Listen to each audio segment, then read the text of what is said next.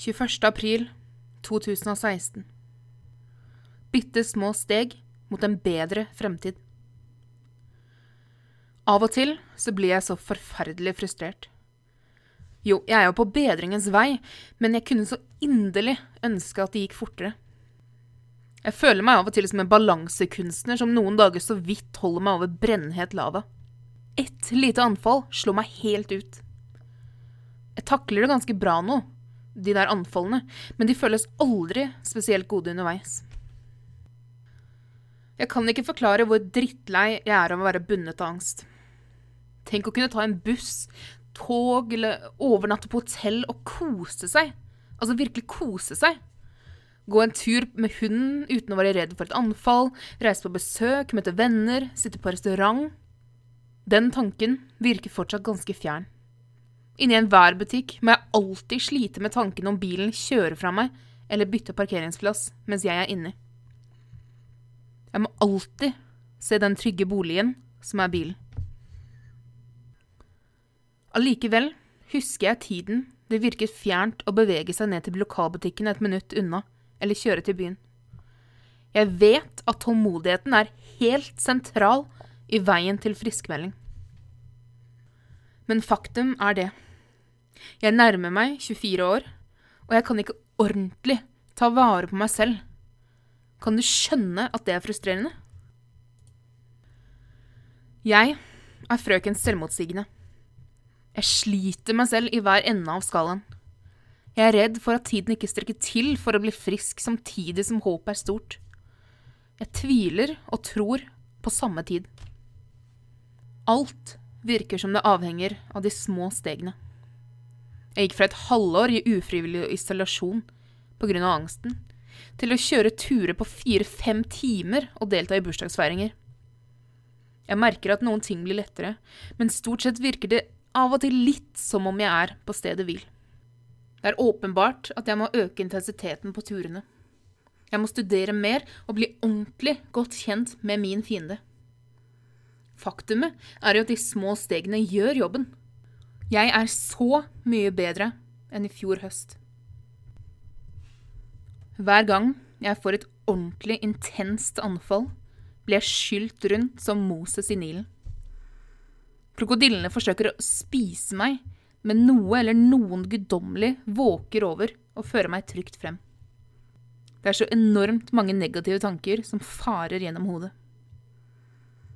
Det føles til dels som om mine egne verste frykter kommer til live. Det å miste virkelighetsfølelsen totalt er så uhyggelig at jeg ikke unner noen den.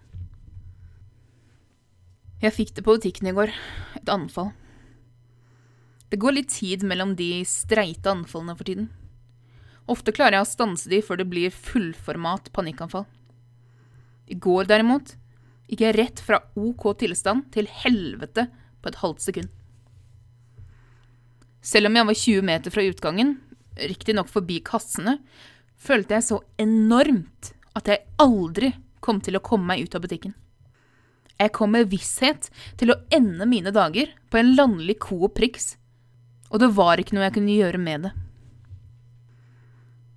Denne gangen var litt annerledes allikevel.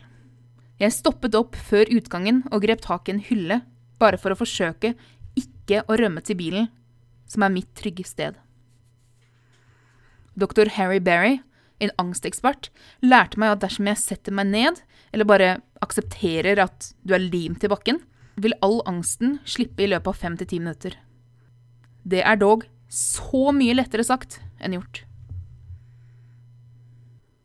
Jeg klarte å roe meg litt ned, og fikk litt av synet tilbake, men det var ikke godt nok. Jeg forsøkte å roe pusten, men synet ble uklart igjen, så jeg gikk utenfor butikken. Jeg tok tak rundt et gitter og klemte til. Nummenheten løste seg litt, og pusten ble bedre. Så kom frustrasjonen. Jeg gikk de siste meterne til bilen og undret om de tre menneskene jeg hadde sett på vei ut, hadde lagt merke til hyperventileringen. Av en eller annen grunn føler jeg fortsatt, etter alle disse årene, skam over å ha en usynlig sykdom. Jeg skammer meg mest over de fysiske symptomene. Dersom jeg hadde sett noen stå og klamret seg fast og hyperventilere, ville jeg selvsagt ikke vært dømmende. Allikevel tror jeg at andre dømmer meg.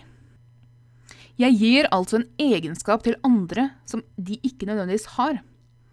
Jeg dømmer meg selv via andre. Gjør ikke det egentlig meg til min verste fiende? Tenk å tenke så dårlig om deg selv at du pålegger andre negative tanker om deg. Det henger ikke på greip. Jeg satte meg inn i bilen, og virkeligheten kom sakte, men sikkert igjen til syne. Det dunket i bakhodet, og som vanlig presset hårene på. Hver gang jeg opplever et sterkt anfall, går jeg gjennom et lite lynkjapt dabda, eller FSFDA på norsk. Denne serien følelser er mest kjent i forhold til sorg forbundet med død, men brukes også om traumer og lignende. Det kan ta alt fra et halvt minutt til timer å komme gjennom prosessen. Steg 1. Denial, eller fornektelse. Jeg vil ikke godta at jeg nettopp har hatt et anfall. Jeg anerkjenner ikke engang at jeg har angst. Steg 2. Anger, eller sinne. Jeg blir enormt frustrert og sint. Av og til bankes det i en vegg, eller kastes noe i gulvet eller bakken. Steg tre. Bargaining, eller forhandling. Jeg forbanner meg over at jeg må oppleve angst. Jeg føler på urettferdighet og ber om at det ikke skal skje igjen. Steg fire. Depression, eller depresjon. Jeg blir akutt dypt deprimert og fortvilt. Steg fem. Acceptance, eller aksept. Jeg aksepterer at jeg har hatt et anfall, kommer tilbake til meg selv og fortsetter kampen mot friskmelding. Når du opplever et nederlag, som et panikkanfall er, så finnes det ingen bedre medisin enn å forsøke å reise ut igjen neste dag. Det er alltid en prøvelse å gå ansikt til ansikt med tigeren igjen, men uten unntak har dette alltid hjulpet meg. Med ønske om en helt ok dag. Tina.